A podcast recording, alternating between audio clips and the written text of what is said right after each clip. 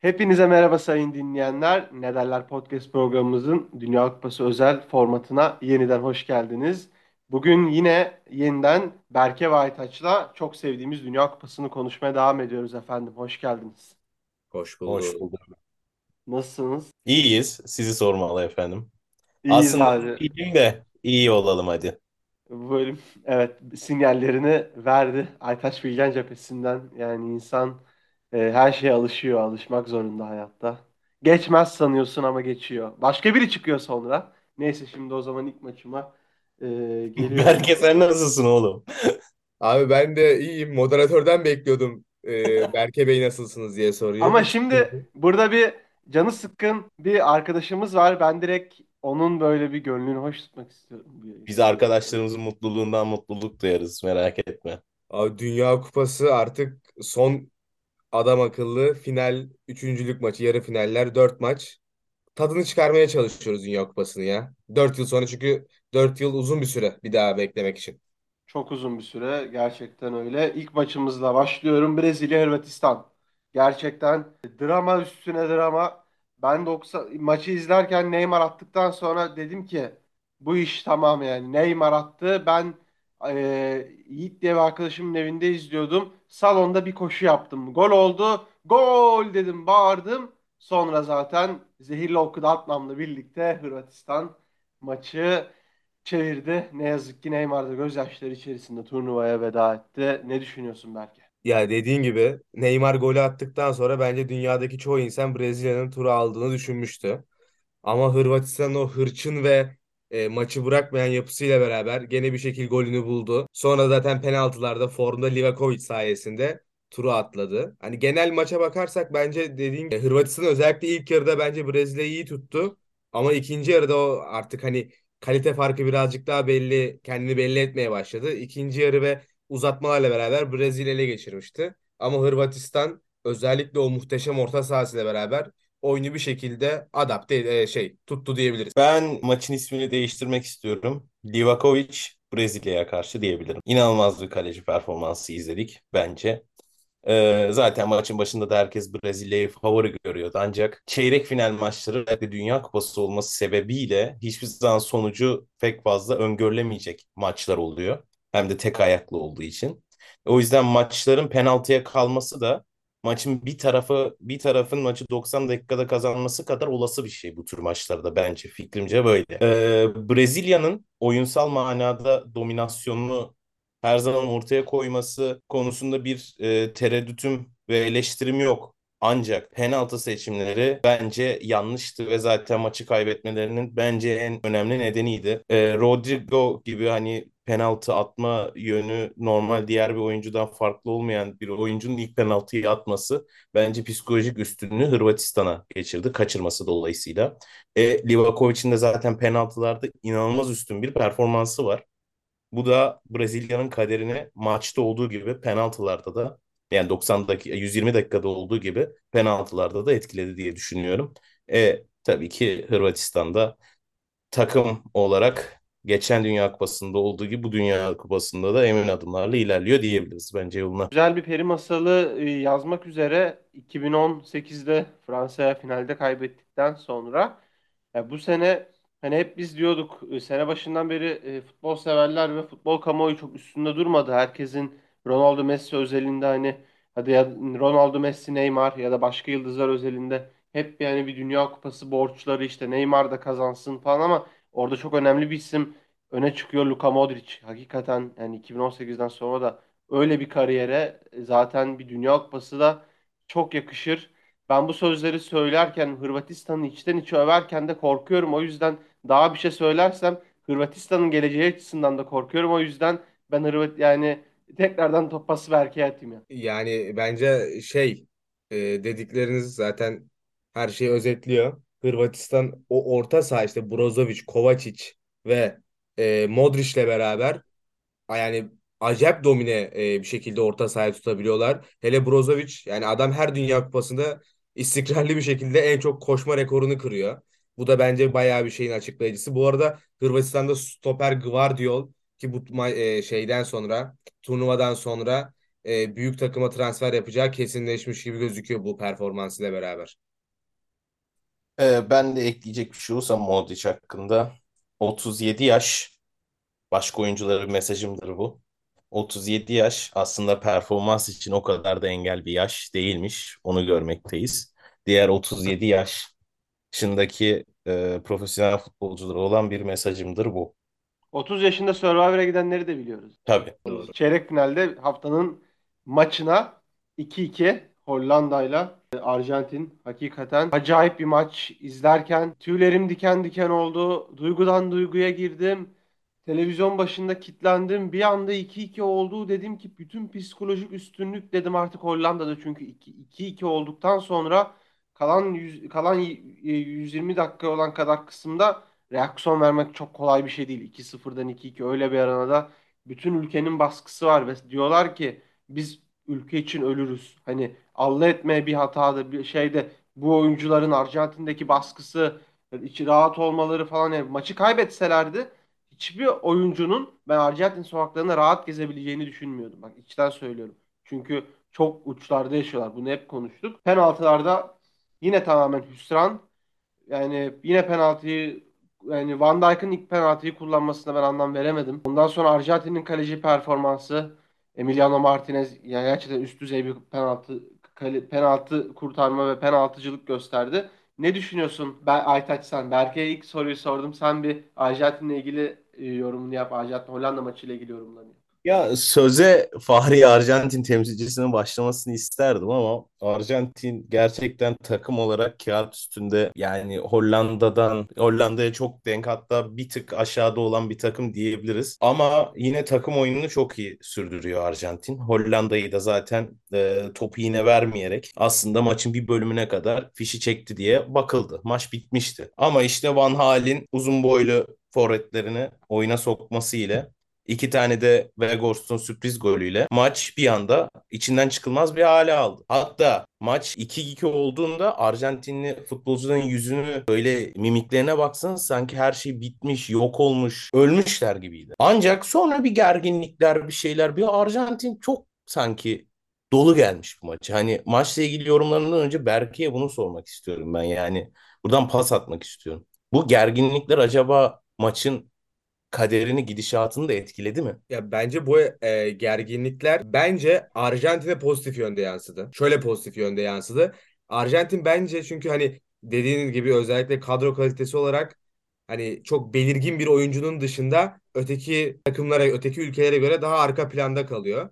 Ama bu motivasyon kaynaklı kendilerini maça sokmayla beraber bence çok daha bir takım oluyorlar. Hani aslında o motivasyonu, o gerginliği kendilerine pozitif yönde maça yansıtabiliyor Arjantin. Ki bence bu maçta birazcık çığırından çıkardılar. Özellikle Paredes'in bench'e attığı şut ve ben hayatımda ilk defa Messi'yi bu kadar gergin gördüm. Hı hı. Kaç tane maçını izlemişimdir. İlk defa bu kadar gergin gördüm. Tabii bunun da birkaç tane nedeni var.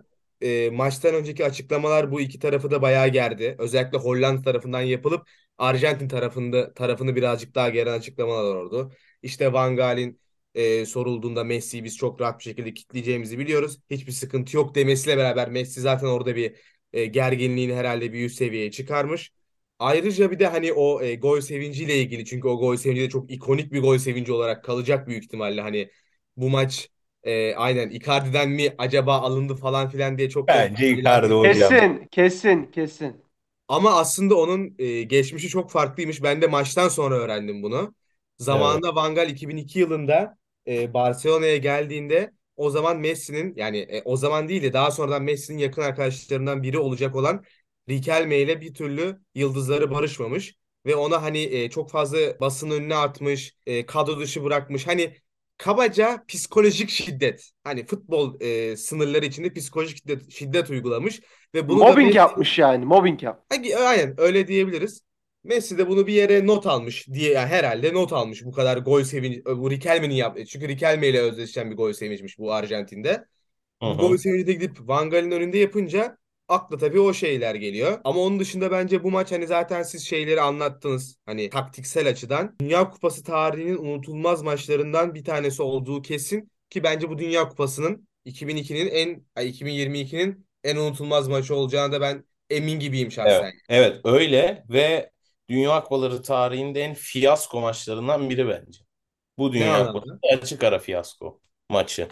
Bir hakem kararları olarak düşünün. Bir kere bence Parades'in yaptığı hareket ne kadar maç gergin olursa olsun gereksiz ötesi bir hareket. Bu da yorum eklemek istedim. böldüm kusura bakma ama ben bu maçta biraz Hollanda özellikle 2-2 yaptıktan sonra Arjantin'in oyuncuların ruh hali biraz daha hani oyunu o daha hani Türkiye'de de belli futbolcularda vardır. Oyunu biraz sertleştirip psikolojik olarak kışkırtıp kazanmak. Bunu Emre Belezoğlu'ndan, Felipe Melo'dan falan ya da Volkan Demirel hani çok gördük bu tarz oyuncu. İyi bir taktiktir aslında. Her takım yani psikolojik olarak bunu düzgün aksiyonda kullanmak çok önemlidir. Ben Arjantin'in biraz saha içinde kazanmaktan dışında 2-2 2-2 olduktan sonra uzatmalarda oyun içindeki aksiyonlarda hep bir aşırı tepki, hep bir böyle başımızı dik tutalım, bir dikine gidelim, dikine gidelim.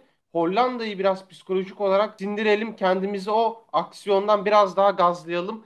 Yani biraz çirkefleştiler. Bence yakışmadı ya çok fazla. O Tamam. Hollanda'nın penaltılardan sonra hani böyle dönüp e, şey sevinmeleri falan hani dalga geçer gibi hani Survivor'da ödül oyunu kazanırsın diye yan takıma sevinirsin ya. Gerek yok ki abi böyle şeyleri. Git dümdüz sevin. Anladın mı? Yani 2008'den örnek vereceğim. Rüştü Hırvatistan'ı elediğinde adam bizim sevinmemize izin vermemişti. Durun onların da acısı var diye böyle bir tutmuştu. Yani yakışmıyor yani. Ne yaptın? Yarı finale çıktın yani. 2000 şeyde de gördük. 2014'te de gö- gördük. 2014'te de gördük. Sevinirken Mario Götze dedi. Sonra ben pası Ya şimdi şöyle evet maçın içinden çıkılmaz bir hal aldığında motivasyon ve taktiksel hatta kondisyonel anlamda düştüğün ve karşı takımın üstünlük kurmaya başladığı yerlerde bu tür gerginleştirme maçı e, germe taktikleri düşen taraf için e, yükseltici ve avantajlı bir taktik. Öne geçmiş taraf için de düşürücü bir şey oluyor. Taktik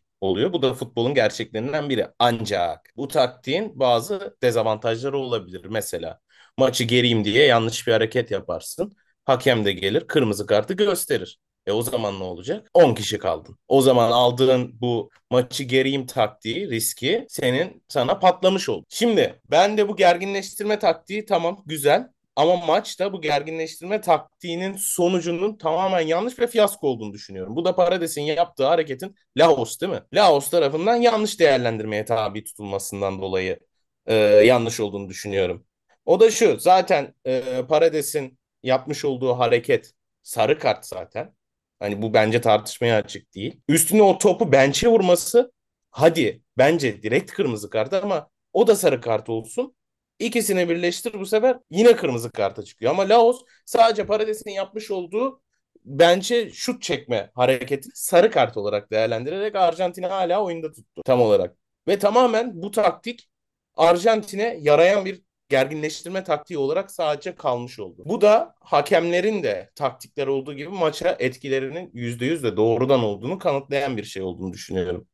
Ve maçın gidişatını etkileyen en önemli en önemli andı bence. Ben de aslında yani şöyle bir şey söyleyeceğim. Ee, Ben Arjantin'in gerçekten çok gereksiz bir şekilde e, oyunu hani sınırı aşarak gerginleştirdiğini ben de katılıyorum. Ama şöyle de bir eleştirim var şahsen benim genel medyaya.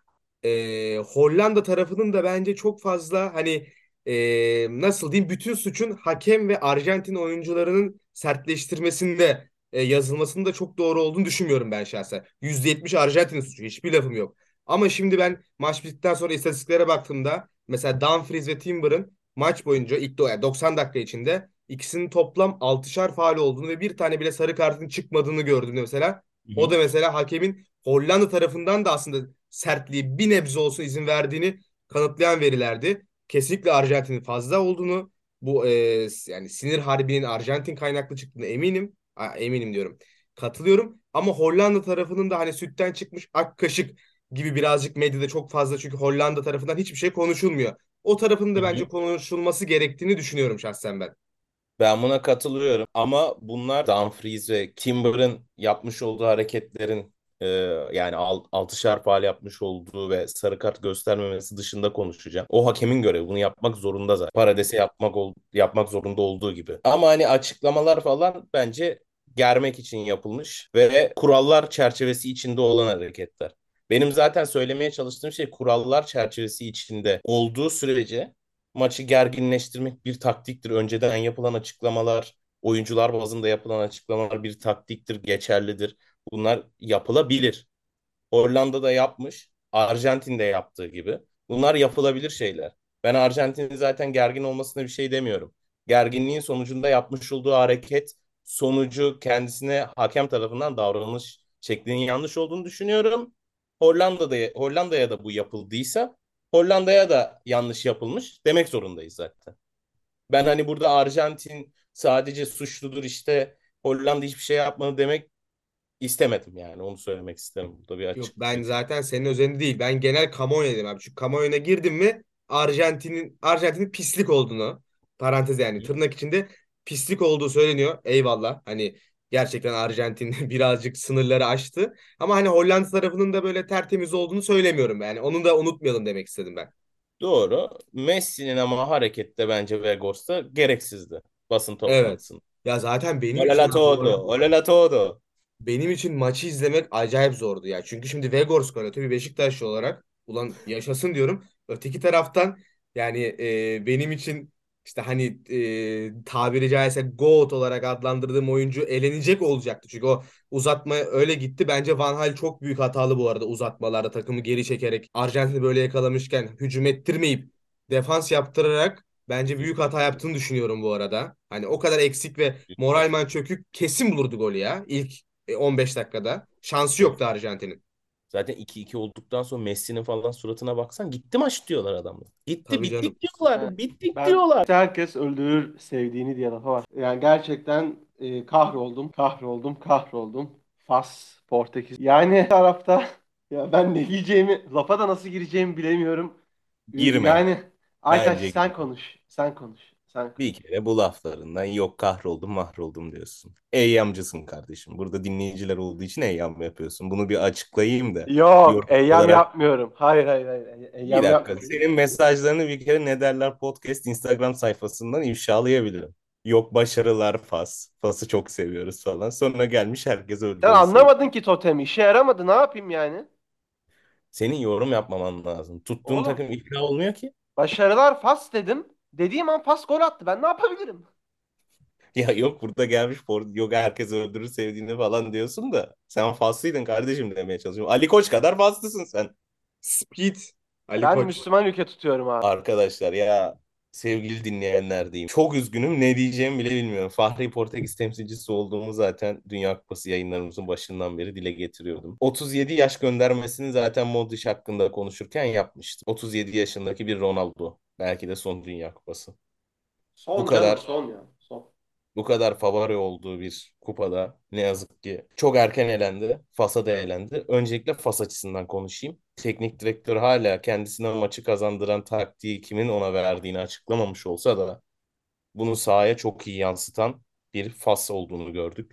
Gerçekten işin hücum e, yönü, taktiksel anlamda hücum yönü ne kadar zor ve önemliyse de futbolda gerçekten defansif anlamda sahaya uygulanan taktikler de uygulanması bir kadar zor ve başarılı taktikler olduğunu Ben- düşünüyorum. Başarıya giden yolda.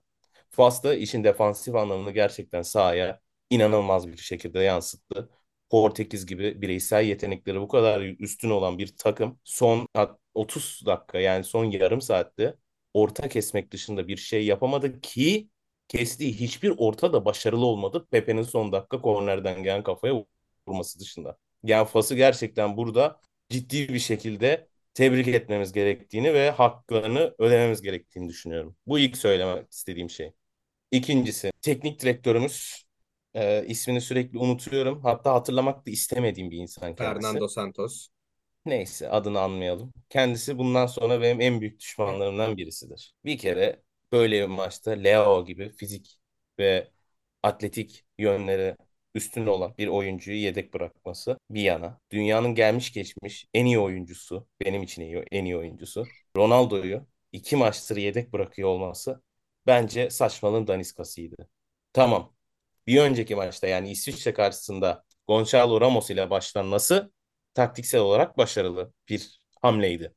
Ama Fas gibi kapalı alan ne olan ve sürekli orta açmak zorunda kaldığın bir e, futbol ortamında bence Ronaldo'nun en rahat ettiği çift santrafor şeklinde sahaya çıkabilirdin. Bunu da Berke söylemişti. Andre Silva, Ronaldo. Bir kere bu konuda herkesin anlaşması lazım. Fas zaten orta saha üstünlüğü kuran bir takım değil. Kişisel bazda alan olarak alan daraldı. O yüzden 4-4-2 taktiğiyle bile çıkabilirdi. Öte yandan işin magazinsel kısmına gelecek olursak laflarımı çok uzatıyorum bugün kusura bakmayın. Turnuvanın başından beri en fazla konuşulan oyuncu Ronaldo. Sezon başından beri geçirmiş olduğu mental olarak, e, magazinsel olarak hadiseleri. Portekiz milli takımında da kendisine destek bulamayışı. Tavşan dişli sinsi ve arkadaşları tarafından artık sahaya da yansıdı. Neyse buraları artık geçiyorum. Onun ağlamasına çok üzüldüm arkadaşlar ben. O son ağlamasında ben de yıkıldım. Buna diyecek bir şey bulamıyorum. Aytaç bir Ramiz dayının öldüğü sahnede yıkıldın herhalde. Bir burada yıkıldın. Gerçekten ikisinde de hatta bunda bir tık daha fazla üzülmüş olabilirim. Ronaldo'nun bir son ağlayışı bize çok şey ifade ediyordu. Yaş faktörüne gelecek olursam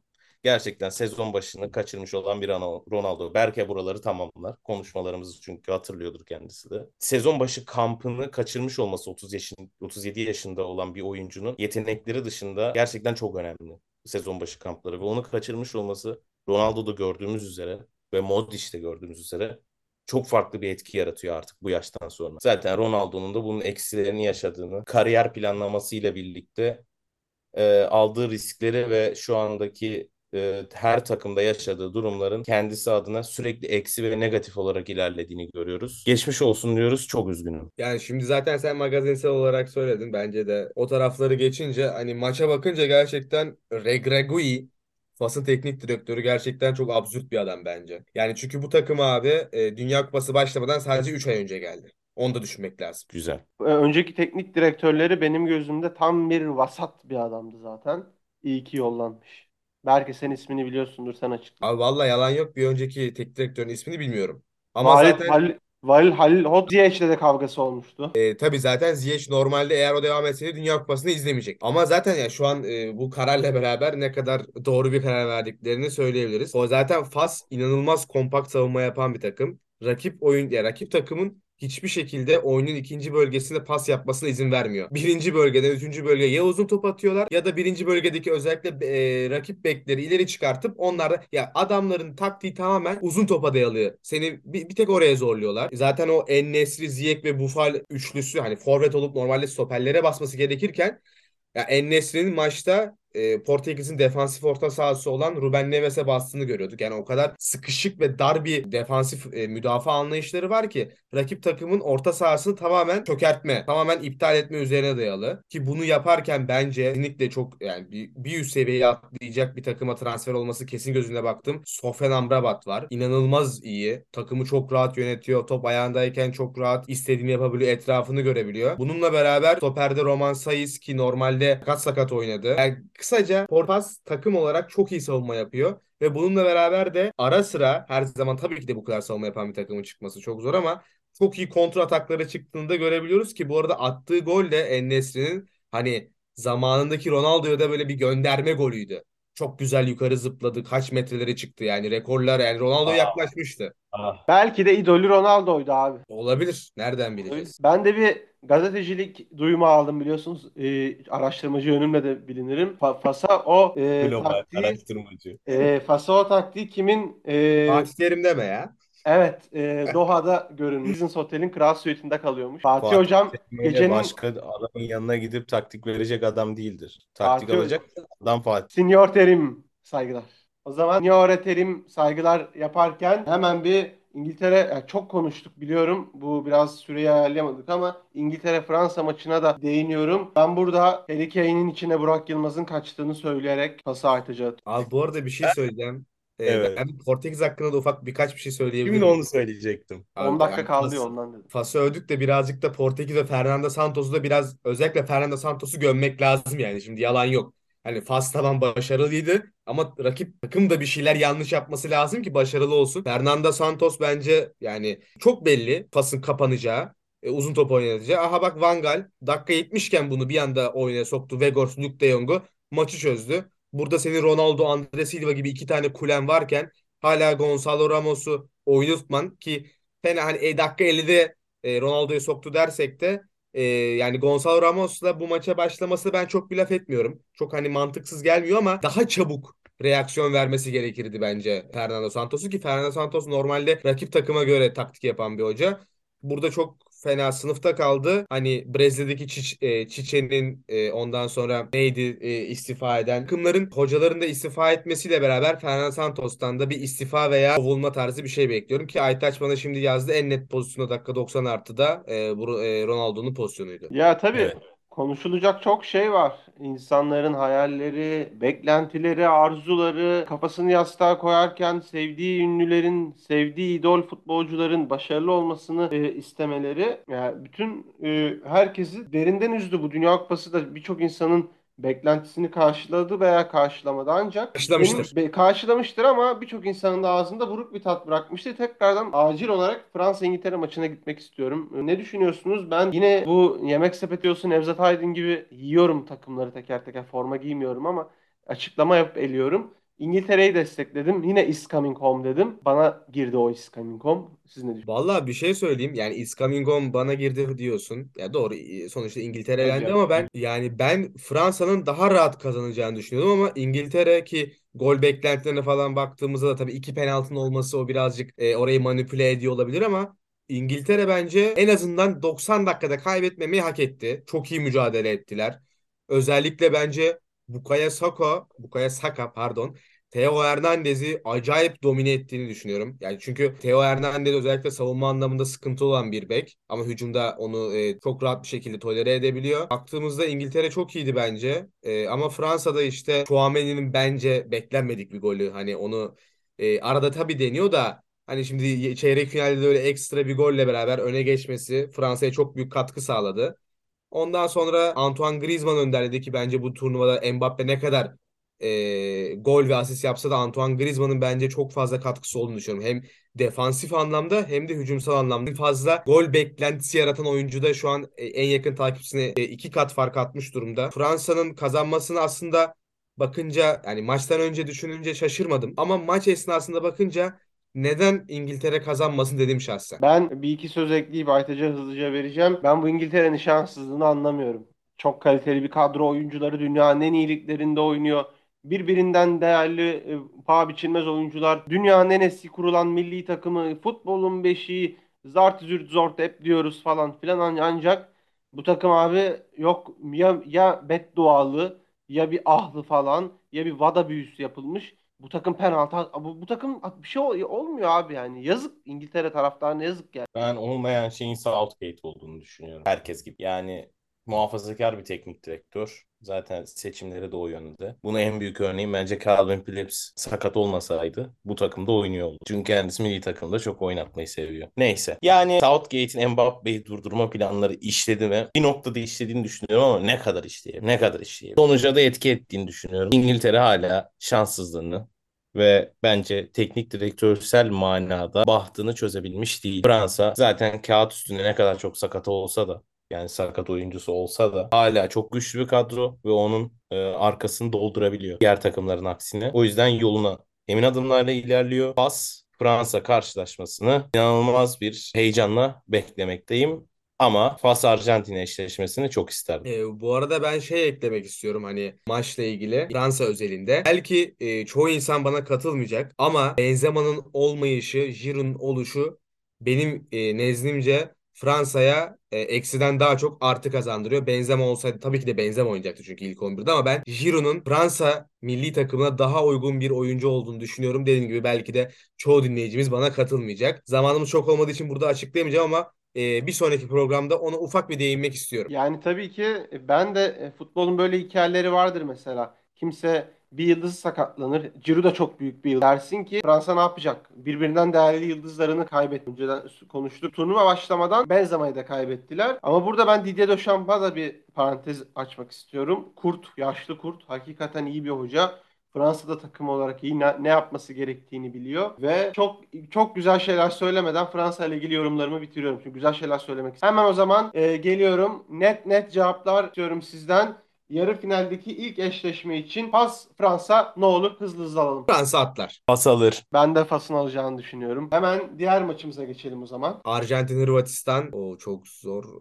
Arjantin alır ya. Yok diyemem. Hırv yani içim el vermez Hırvatistan alır demek. Valla yani kağıt üstünde tabii ki Arjantin alır. Yani Hırvatistan oyun içinde hani hücumsal manada sıkıntı yaşayan bir takım. E Arjantin de zaten hücum ettirmeyen bir takım topu vermediği için. Yani taktiksel manada bana hissettiğim açıdan eğer maç penaltılara gitmediği sürece Arjantin kazanır. Maç penaltılara giderse Hırvatistan asla affetmez diyor. Hatta değiştiriyor. Bu maçı Hırvatistan alır. Hırvatistan fasis. Ben de hemen söyleyeyim. Açık ara Arjantin ezeceğini düşünüyorum. Yani hakikaten 3, 4, 5 hani Berke Üzgün. Sinan kadar belli etme ya. Sinan Engin'in var ya açıklamaları hani Beşiktaş diyor işte. Ajax'a yendin geçtin. Lisbon attın 3 attın. Arjantin'de o kadar kolay bir şekilde Hırvatistan'ı yenecek. Martinez, Messi, De Paul yani Arjantin yürü Arjantin. Hırvatistan'ın çok zayıf olduğunu düşünüyorum. Buraların takımı olmadığını düşünüyorum. O yüzden Arjantin net bir skorla galip gelecektir. Güzel bir program oldu. Teşekkür ederiz. Güzel soruların için Bahricim, güzel yorumların için Berke sana da teşekkür ederiz. Ben de teşekkür ederim hayatım. Sağ olasın. Ne derler podcast programımızın Dünya Kupası özel içeriğinin bu bölümü de sona ermiştir. Yeni bölümlerde görüşmek üzere. Hepinize hoşça kalın. İyi günler. İyi günler.